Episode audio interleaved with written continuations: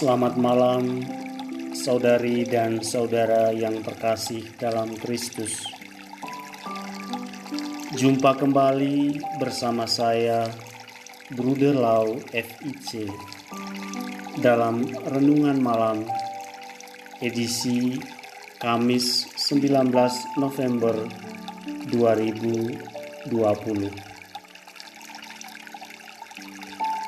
Tema renungan kita malam ini adalah menangisi hati yang tidak taat. Dalam nama Bapa dan Putera dan Roh Kudus. Amin. Ketika Yesus telah dekat dan melihat kota itu, ia menangisinya, katanya, "Wahai betapa baiknya jika pada hari ini juga engkau mengerti apa yang perlu untuk damai sejahteramu." Tetapi sekarang hal itu tersembunyi bagi matamu. Injil Lukas bab 19 ayat 41 sampai dengan 42.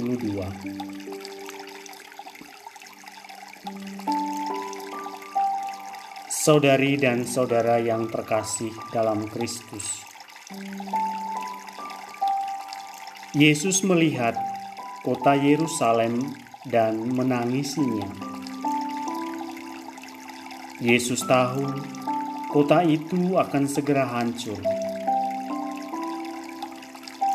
Tahun 70 Masehi, balah tentara Romawi di bawah pimpinan Titus menghancurkan kota suci itu.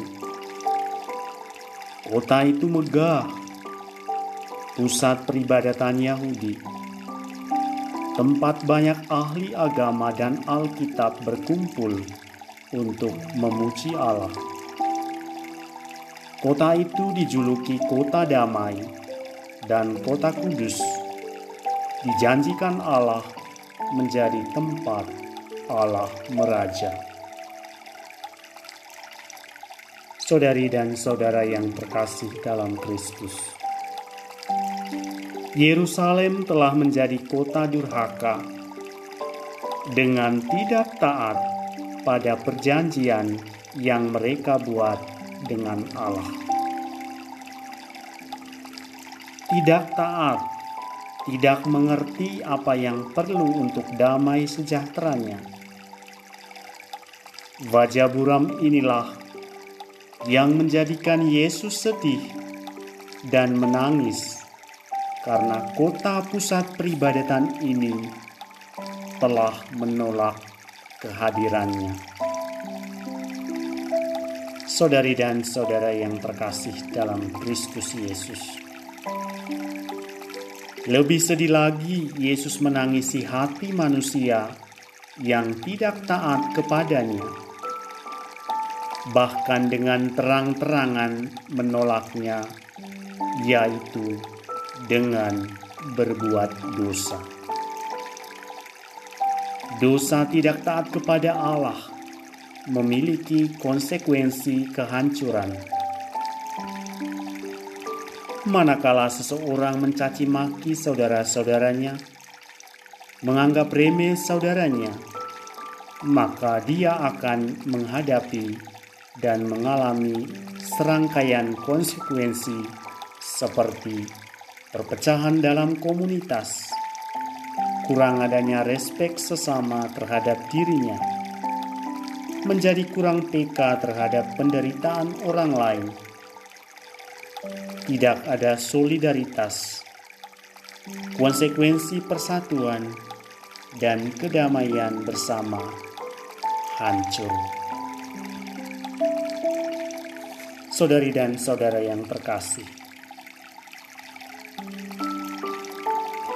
dengan sukarela menempatkan diri dalam ketaatan di bawah kuasa sesama dapat mempunyai konsekuensi-konsekuensi yang berat bagi kehidupan kita, yang kadang-kadang menuntut banyak dari kita.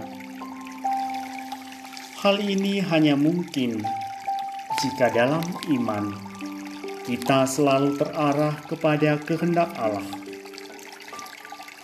Ketaatan yang dihayati secara demikian dapat menghasilkan kebebasan dan kesiapsediaan penuh sukacita dalam kehidupan pribadi, di dalam kehidupan keluarga, di dalam kehidupan persekutuan atau komunitas.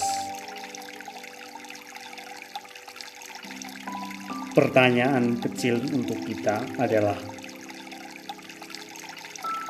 sejauh manakah ketaatan hatiku terwujud dalam kehidupan keseharianku?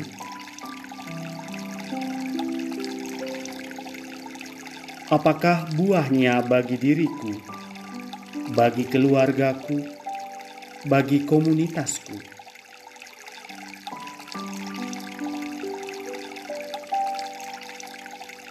Apakah ketaatanku kepada Allah saat ini menghadirkan sukacita bagi sesamaku?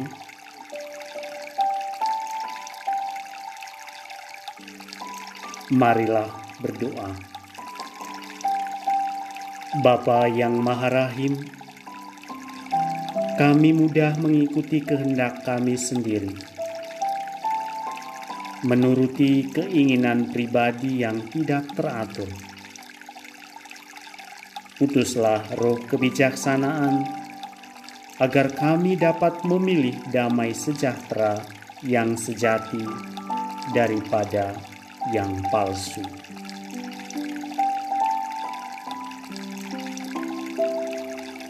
Dalam nama Bapa dan Putra dan Roh Kudus, Amin.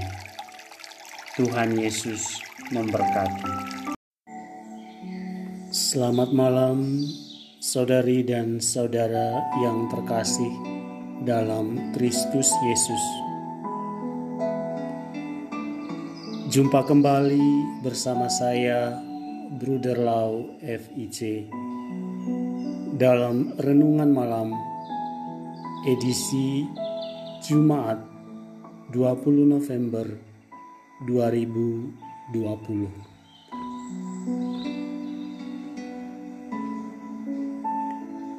Tema renungan kita malam ini adalah doa murni ketemu Tuhan. Dalam nama Bapa dan Putera dan Roh Kudus. Amin. Yesus masuk ke bait Allah dan mulailah ia mengusir semua pedagang di situ. Katanya kepada mereka,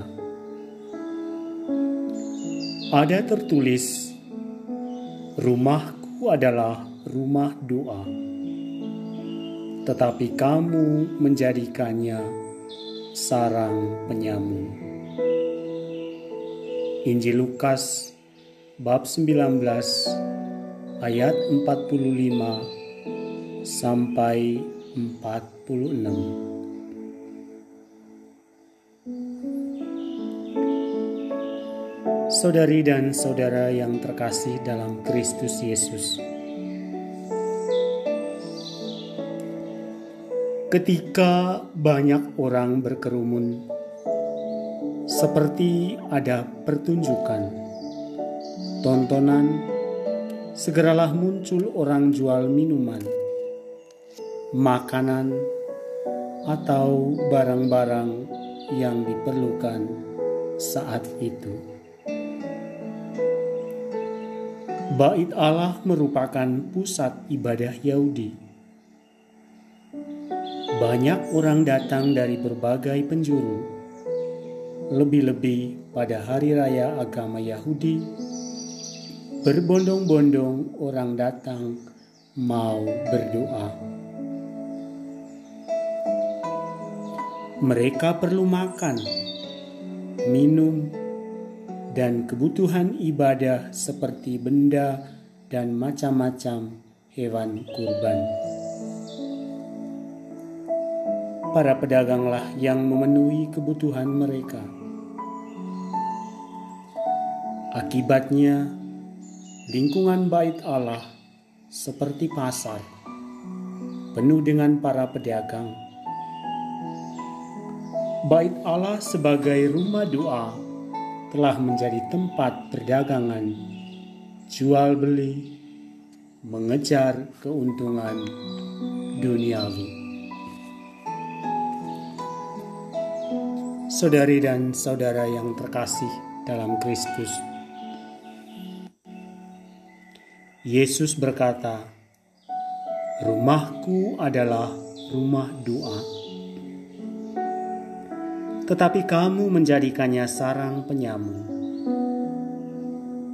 Di wilayah Yudea banyak tempat para pencuri dan perampok hidup bersarang.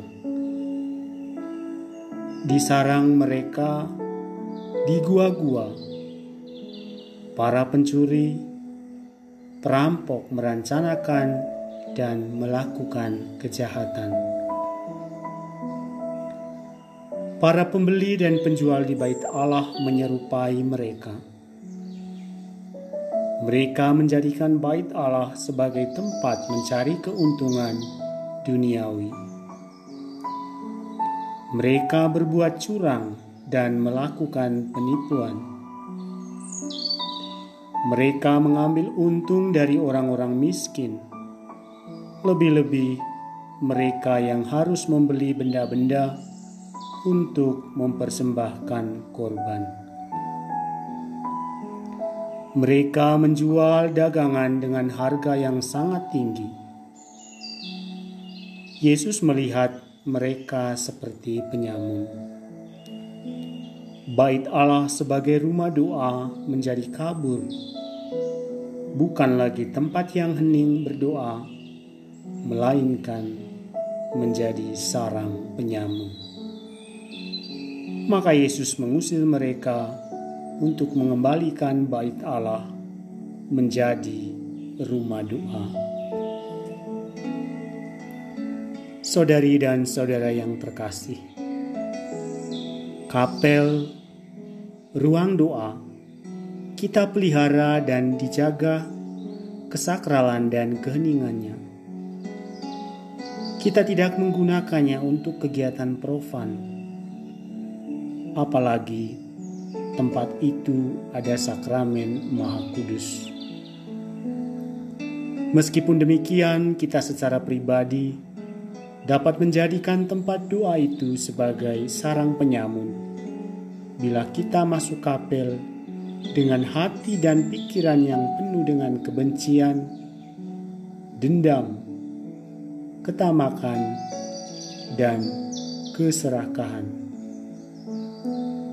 Semoga teguran Yesus hari ini mendorong kita untuk menghormati dan menggunakan kapel sebagaimana seharusnya, yaitu tempat kita berdoa bertemu dengan Tuhan dengan hati murni, sehingga keluar dari kapel, hati pun penuh kedamaian dan bergembira karena telah berjumpa dengan Tuhan.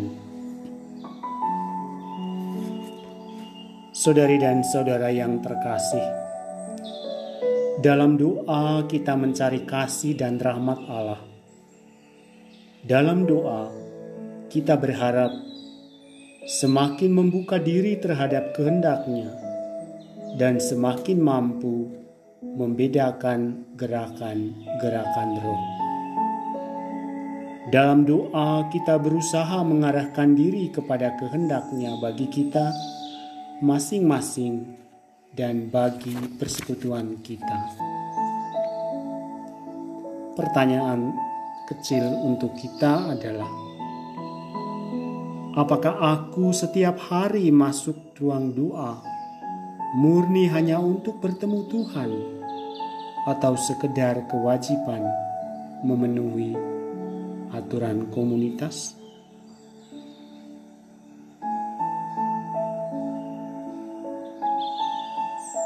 Marilah berdoa.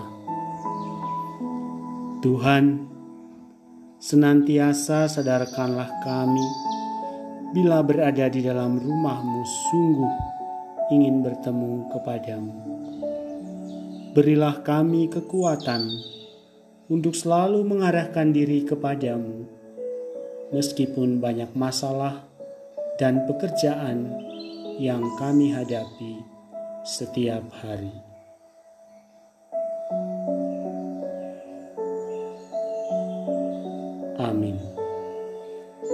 Dalam nama Bapa dan Putra dan Roh Kudus.